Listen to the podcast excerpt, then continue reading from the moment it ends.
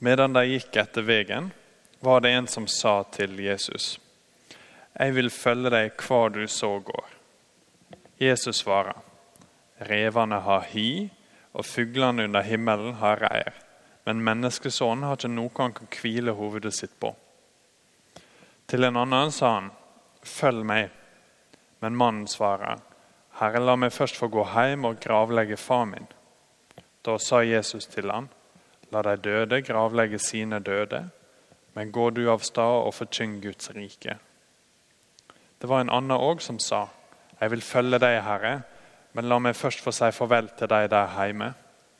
Men Jesus svarer, Ingen som har lagt handa på plogen og så ser seg tilbake, er skikka for Guds rike. Slik lyder det hellige evangeliet. Eh, du har denne teksten på arket bak der. Den er ganske kort i dag. Så er Jesus ute og går langs veien. og Så møter han eh, tre ulike menn og har kjappe samtaler med dem. Sannsynligvis så snakker de litt mer enn eh, hva som står her. Bibelen er veldig økonomisk når det kommer til ord, så ofte så står det ganske kort. Men det ligger ganske mye i det. Hvis du ser på vers 57 Medan de gikk etter veien, var det en som sa til han, 'Jeg vil følge deg hvor du så går'. Eh, og Så svarer Jesus litt sånn konfronterende med en gang.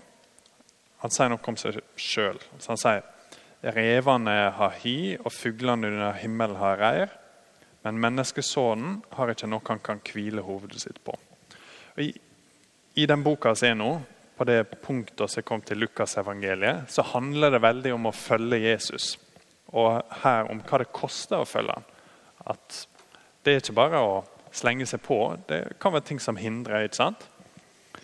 Og I den første her så er ikke det, Han kommer ikke med noen unnskyldning. Men Jesus merker at det er et eller annet som er viktigere for han enn å følge han sjøl.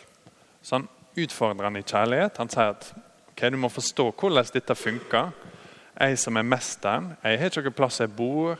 Jeg kan ikke bare gå og legge meg på kvelden. For han lever et hardt liv. ikke sant?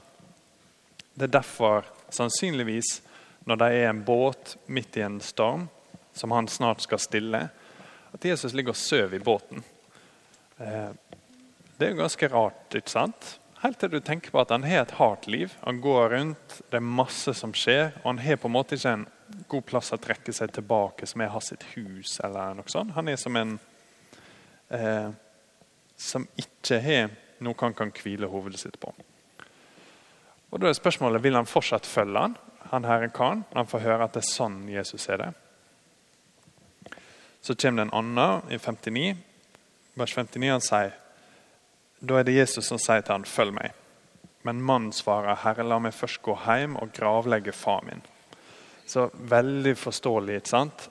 Faren hans er død, så han kan ikke bare følge Jesus med en gang. Han må gravlegge han. Det er litt, litt diskusjon hva som er skjedd her. Det kan være at faren ikke er død. Det kan være at han sier jeg føler en forpliktelse om å være hjemme iallfall til faren min ikke lever lenger. og Da kan jeg begynne å se om det er en ny oppgave. Det er en mulighet. Eh, den ene bibelkommentaren min sier at teknisk sett så er det mulig at faren allerede er gravlagt i ei grotte, og at det var en tradisjon å flytte knoklene etter et år til en familiegrav. Så det kan hende han er i en ventetid der. Så det er ikke sikkert at det er full panikk i heimen. At det er en tragisk sorg som pågår akkurat nå. Men det er tydelig at er, han har en prioritet på familien. Og så sier Jesus la de døde gravlegge sine døde men gå du av stad og forkynn Guds rike. Så kommer den tredje. Jeg vil følge deg, Herre, men la meg først gå og si farvel til deg der hjemme. Eh, ok, ikke sant? Han vil bare Først det er én ting som må skje først. og det er at Han må stikke hjemom og bare si ok, nå, nå skal jeg fare. Så svarer Jesus igjen, så konfronterer han dette. og sier ingen som har lagt handa på plogen og så se seg tilbake, er skikka for Guds rike. Eh, disse tekstene er meint å være overraskende. Det er meint å være den tekster du kan lese søndag morgen og så våkne litt. For oss forventer egentlig ingen av disse svarene. Og dere som har lest en del om Jesus, og som har brukt tid med han i bønn, vet at Kristus har et utrolig mildt hjerte. Han er ikke en som, eh, som konfronterer uten at det er en grunn til det. Så når han her er ganske nesten litt skarpe med dem, så er det en veldig god, god grunn til det. Uh, og For å se på det så har jeg lyst til å lese dere noe science fiction fra 80-tallet. Uh, her er en science fiction-bok som heter 'Kontakt'. Jeg må forklare litt hva som skjer før jeg leser dere et sitat. Da er det, det er en dame som heter Ellie Arroway som jobber med store radioteleskop, eh, heter det. Iallfall hun lytter etter radiosignal for å prøve å finne liv på andre planeter. Det er laga en film eh, av dette med Jodie Foster også. Kanskje dere har sett den. Så plutselig en dag så får hun inn et signal eh, med beskrivelse av en maskin de skal lage, som de etter hvert forstår at noen kan reise til eh, et annet solsystem for å finne ut hvem det er som har sendt dette signalet. Og Denne dama blir ganske kjapt en av to kandidater til å fare eh, for å representere USA. Og det sluker alt med henne. Hun er så opptatt av dette at det er ingenting hun har mer lyst til egentlig enn å bli den som blir valgt eh, og få fare. Og så når alt kommer til alt, så går det seg for henne. De går for en annen fyr som hun syns er en idiot. Eh, og så skjer det noe interessant som jeg har lyst til å lese til dere. For hun og han mannen og en til de går, går en tur og ser på denne maskinen som skal reise til et annet solsystem. Og så eksploderer den. Noen har plassert inn masse Eh, ja, sprengstoff, og så eksploderer maskinen. Så skjer det noe. Eh, Drumlin heter han mannen som er valgt til å fare. Han går tur med henne.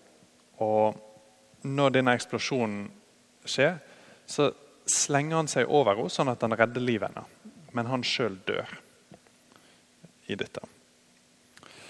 Så står det gradvis så oppdaga hun at det var en del av henne sjøl som hadde ønska at han her Drumlin skulle dø. Sjøl før, før, det ble konkurranse, før noe av dette skjedde.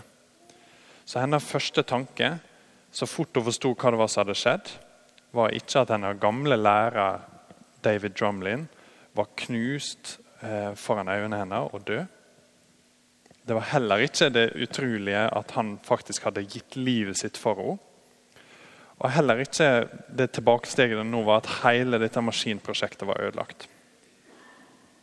Nei, det hun tenkte, klart som ei klokke, var nå kan jeg gå. Nå må de sende meg. Nå er det ingen andre. Nå får jeg fare. Med en gang så tok hun seg sjøl i det, men det var for seint. Hun var helt sjokkert over å se hvor involvert hun sjøl var av egoismer som hun hadde åpenbart til seg sjøl nå når det var et øyeblikk med krise. Eh, og Det gjorde ingenting for henne at kanskje han her Drumlin også hadde hatt sine feil. Hun var sjokkert over å finne dem sjøl et lite øyeblikk i seg sjøl. At hun var så opptatt med å planlegge framtida og så uvitende om alt annet enn seg sjøl. Det hun likte minst av alt, var hvor eh, ubevisst hennes eget ego var. Det spurte ikke om unnskyldninger. Det ga ikke folk litt å gå på her og der. Det var skikkelig dårlig. Hun visste at det ville være umulig å rive det ut med røtter og greiner og alt. Men hun måtte begynne å jobbe på det tålmodig. Forhandle, distrahere og kanskje til og med true det. Ok, Jeg vet ikke hva dere fikk med dere der. Men det som skjedde Hun dama her en av hennes fiender egentlig, hun ser ikke opp til denne mannen i det hele tatt, gir livet sitt for å redde henne. Eh, og Hun ser at han ligger der død, og det første hun tenker, var yes, nå får jeg det jeg alltid ønsker seg. Så hun er ikke lei seg for hva som har skjedd med han, hun er ikke imponert engang over hva han har gjort. Det første hun tenker, er åh, nå får jeg det jeg endelig hadde lyst på. For nå er han død. Og så blir hun sjokkert. ikke sant? Og, og, øh, og knek, knekker litt sammen, egentlig. Og sier at sånn, er det sånn jeg er? Er jeg en person som, når noe sånt skjer, tenker på meg sjøl først? Så da lager hun seg et prosjekt og sier at det er ikke snakk om at jeg skal være sånn. Skal, det blir sikkert umulig, men jeg skal røske det ut. altså Jeg skal se alt sånt jeg finner i hjertet mitt, ta det vekk. Og om jeg så må true mitt eget hjerte, så skal ikke jeg være egoistisk. Eh, jeg ha tusen andre eksempel. Men det jeg liker med denne, er at hun ser noe i sitt eget hjerte, og så er hun ærlig nok til å anerkjenne at det er der. Og så begynner nå et prosjekt med å ta det vekk. Dette er såpass viktig at jeg har lyst til å tegne litt, hvis det er greit. Eh.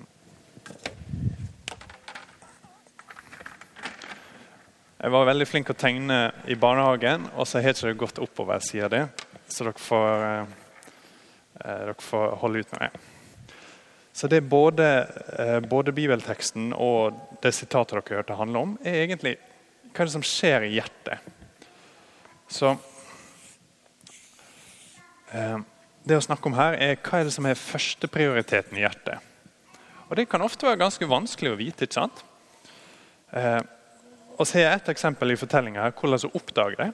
Hun oppdager det i en krise. Så Si at du plutselig tar opp en stein i hagen, så ser du masse insekter som forsvinner vekk. At Sånn går det også an å gjøre med hjertet. Plutselig så får du en kikk, for det skjer noe veldig dramatisk. Og så ser du hvordan det egentlig står til der inne. Så det hun oppdager, hun her eh, eh Ellie Arroway, som hun heter, er at det viktigste for henne er egentlig å få, eh, få reise. Jeg skal ikke prøve å tegne det engang. Eh, for folka som Jesus møter, så er det noe litt annet. Eh, hvis du tar nummer to, f.eks. Han som har en far som er død. Så kan det virke som om det viktigste er familien. Det er et lite ord som kommer igjen flere ganger. Eh, hvis du ser på vers 59. Men mannen svarer, 'Herre, la meg først få gå hjem og gravlegge far min.' Han, sier ikke bare 'la meg få fare og gravlegge far min', for det er en viktig ting å gjøre. Han sier 'la meg først gjøre det'. Og Det virker ikke som det kun er sekvens, det virker som det også er litt prioritet her. At det viktigste er familien min, og så skal jeg komme og følge deg. Og Det samme skjer med nummer tre, eh, vers 61. Jeg vil følge deg, Herre, men la meg først få si farvel til deg der hjemme. Så Grunnen til at Jesus er litt konfronterende her, er at her er vi inne på noe som er ganske vanskelig, og som hun anerkjenner hun i det sitatet. At hvordan skal du bytte ut det som er her? Så sier at det viktigste i livet ditt er familie. Det er det som har, den den førsteplassen. Da er det det som gir deg håp. Det er det som gir deg motivasjon og inspirasjon og trøst og ja, framtida. Alt henger egentlig på dette. Og Du kan si at det har fått nesten en sånn guddommelig status. Det er en kjempegod ting, og det er en veldig bibelsk og viktig ting å ta vare på familien sin. Det er nevnt i de ti bud, ikke sant? med ære far og mor. Paulus sier noe om at den som ikke gjør det, er verre enn en hedning. Så det understreker skikkelig at du må ta vare på familien din. Men det er også understreka at hvis foreldrene dine skal være din Gud, eller hvis eh, forventningene til besteforeldrene dine skal styre livet ditt, så vil du støyte på store problemer. Men dette er et ganske vanskelig eksempel. Egentlig er det lettere å ta noe enklere. Så Si, si at du har ei eh, du har ei jente som går på ungdomsskolen, og det som er førsteprioritet i hennes liv nå, det er hva venninnene syns hun. Så hun går i samme klær som venninnene, eh, hun er interessert i de samme tingene som venninnene, og de har samme hårstil. ikke sant? Så det som styrer hennes hjerte, det som er på førsteplass, det er vennene. Samme hva annet som skjer, så lenge vennene mine er der, så funker livet mitt, og jeg har håp. Sant? Eh, så går tida litt, og så er hun blitt ei dame, og og har fått seg høy utdanning og kanskje en god jobb, og begynner å se at oi, her er det virkelig mulighet for å få makt, f.eks. Kanskje har fått en, eh, en toppstilling og ser at endelig så har jeg fått makt. Her er det mulighet til at ting kan skje skikkelig. Nå skal det ikke bli noe tull mer. Og endelig kan jeg få litt respekt og sånn. Eh, og da er plutselig det kommet en ny ting som prioritet. Veldig lett. Det er det overraskende her. Eh, på ungdomsskolen. Kanskje var venner det aller viktigste. I Seinere i livet er en viktig jobb. og sånn. Kanskje er makt det viktigste. Og dere kommer på andre eksempler sjøl. En million eh, alternativ til hva det kan være. Men noe styrer livet alltid. Og det er ofte noe som er en god ting. Det er veldig bra å ha venner. Og det er veldig bra å gjøre en god jobb og ha innflytelse. Det er veldig bra å ta seg av familien. Men det er en grusom mester. Hvis det skal styre alt, hvis det er det som skal gi deg håp og framtid, så vil det fungere dårlig. Og Det er det hun dama oppdager i historien, i historien som jeg las litt til dere. At det som har blitt viktigst for henne, har blitt en grusom mester for henne. Når en mann dør for å redde henne, så tenker hun bare yes, nå får jeg det jeg vil ha. Og Jeg sa ikke noe om det, men ellers i fortellinga også så støyter hun alle folka rundt henne vekk fra seg. Det siden årevis jeg har vært på besøk med mora, f.eks. Hun er syk og gammel, og jeg har ikke tid til å besøke henne. Og jeg har egentlig ikke lyst heller, for alt handler om det som er viktigst for henne.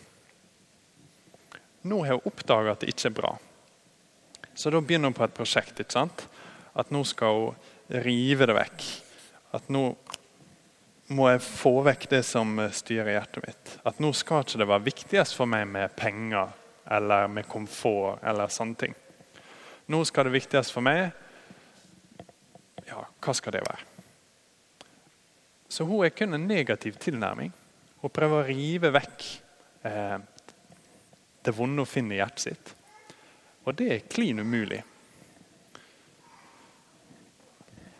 Så se, og se litt eh, en gang til på hva som skjer i teksten. For Jesus eh, prøver å gjøre noe litt annet her. Så Hvis du ser på den siste mannen eh, Det var en annen som sa Jeg vil følge deg, Herre, men la meg først få si farvel til deg der hjemme. Jeg håper dere ser hvor jeg vil her. at Det som er først i hans hjerte, det er familien hans. Det er blitt mer som en gud for han, hva familien tenker, og hva de syns så kommer Jesus med et alternativ. Han sier ingen som har lagt handa på plogen og så ser seg tilbake, er skikka for Guds rike.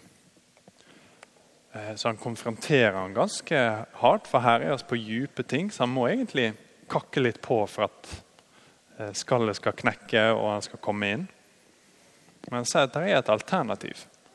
Det må ikke være sånn at du er styrt av familien din for å elske familien din på en god måte.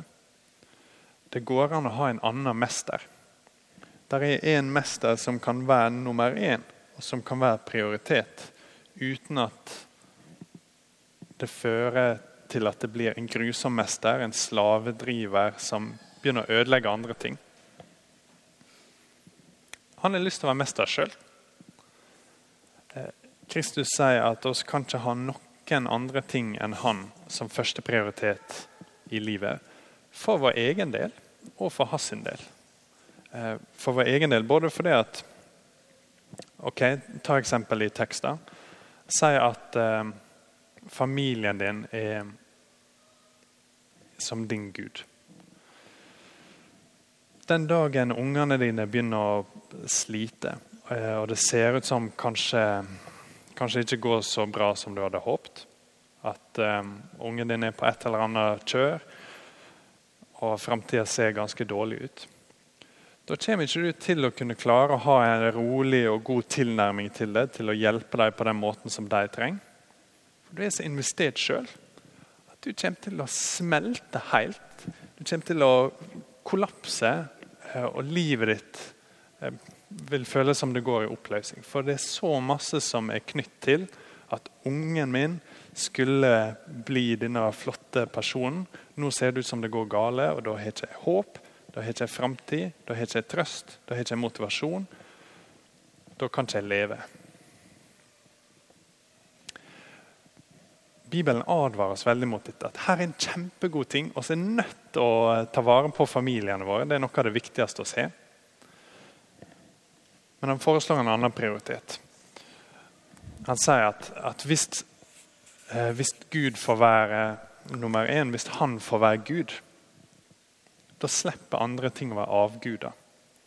At Hvis vi har et eh, forhold til Gud som er sunt, der han har den plassen han fortjener, så kan vi elske familien vår med enda større kjærlighet. Når de ikke trenger å fylle en rolle som de ikke kan. Eh, plutselig så kan jobben vår eller vennene våre eller pengene våre de kan begynne å klikke litt på plass når de ikke får oppgaver som er for store for dem. Penger kan aldri gi noen mening med livet eller håp. Og sånne ting. Og det vet oss egentlig. Og Her ser oss Jesus i aksjon med å overbevise folk om det. Som jeg sa, Han sier det veldig kort, men han kommer til disse tre mennene. Han ser med en gang hva som er greia. Jesus kjenner alle hjertet.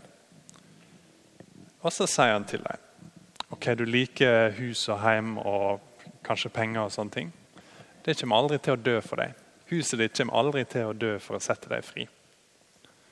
Jeg kommer til å dø for å sette deg fri, sier Jesus.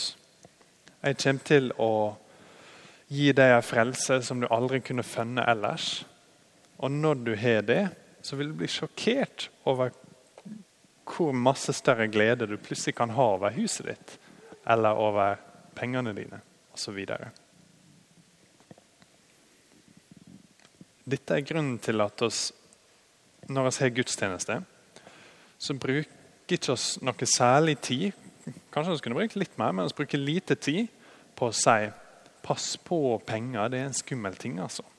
Eller hvis du oppdager en dag at du er eh, for knytt til noe, så må du virkelig ta det sammen og prøve å rive det ut. For det er skikkelig vanskelig. Det er nesten umulig å bestemme seg for å skifte prioritet i livet.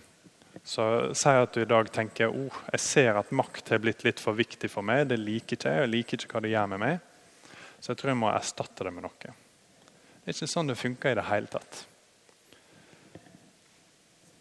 La, la dere merke til med eksempelet her hvor lett det var å bytte. Hvis du går til ei jente som er i ungdomsskolen og sier at du, jeg ser at uh, vennene dine har fått for stor rolle, slutt med det. Hvordan skal du slutte med det? Alt håp er knyttet til det, all framtid og all glede egentlig ligger der. Så det er umulig å slutte med det.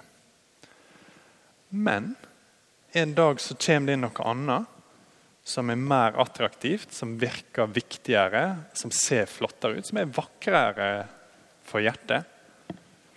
Det kan være hva som helst, nesten. Eh, si at det er ja, Si at det er ønske om å gjøre en god jobb. da. Så vokser det og blir for stort og blir som en gud i hjertet. Da tar det veldig lett plassen at det som du allerede har klart å rive ut, kan du veldig lett erstatte med noe annet.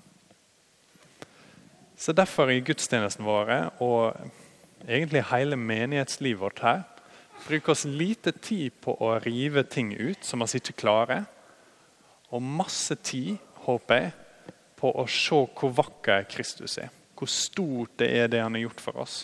Hvor god han er. For ting som er vanskelig å rive ut, kan være veldig lett å erstatte med noe større. At når du bruker tid i bønn eller i lovsang og lovprisning av Gud, når du virkelig tar inn over deg hvor stor han er, hvor herlig han er, hvor masse han har gjort for deg, så er det noen ting som plutselig ikke er så attraktive lenger som din Gud, som din avgud. For du har møtt den sanne Gud. Du har møtt han som virkelig kan gi håp, virkelig kan frelse deg, og virkelig kan eh, ja, gi deg håp i sorg eller motivasjon i gode dager. Det hun i fortellinga aldri kommer til å klare å rive ut, kan ganske lett bli erstatta hvis du møter den sanne Gud og tilber Han. La oss be. Eh, Jesus, du sier at eh, ingen avguder må forstyrre hjertet vårt, at gode ting ikke kan, eh, ja, kan ta din plass. Så vi ber om at vi skal få se mer av din storhet og din herlighet, sånn at det kan fylle hjertet våre, og at de andre tingene kan ta sin eh, rettmessige plass. Eh, og at vi kan få nyte deg der, og mest av alt nyte deg i din storhet. Amen.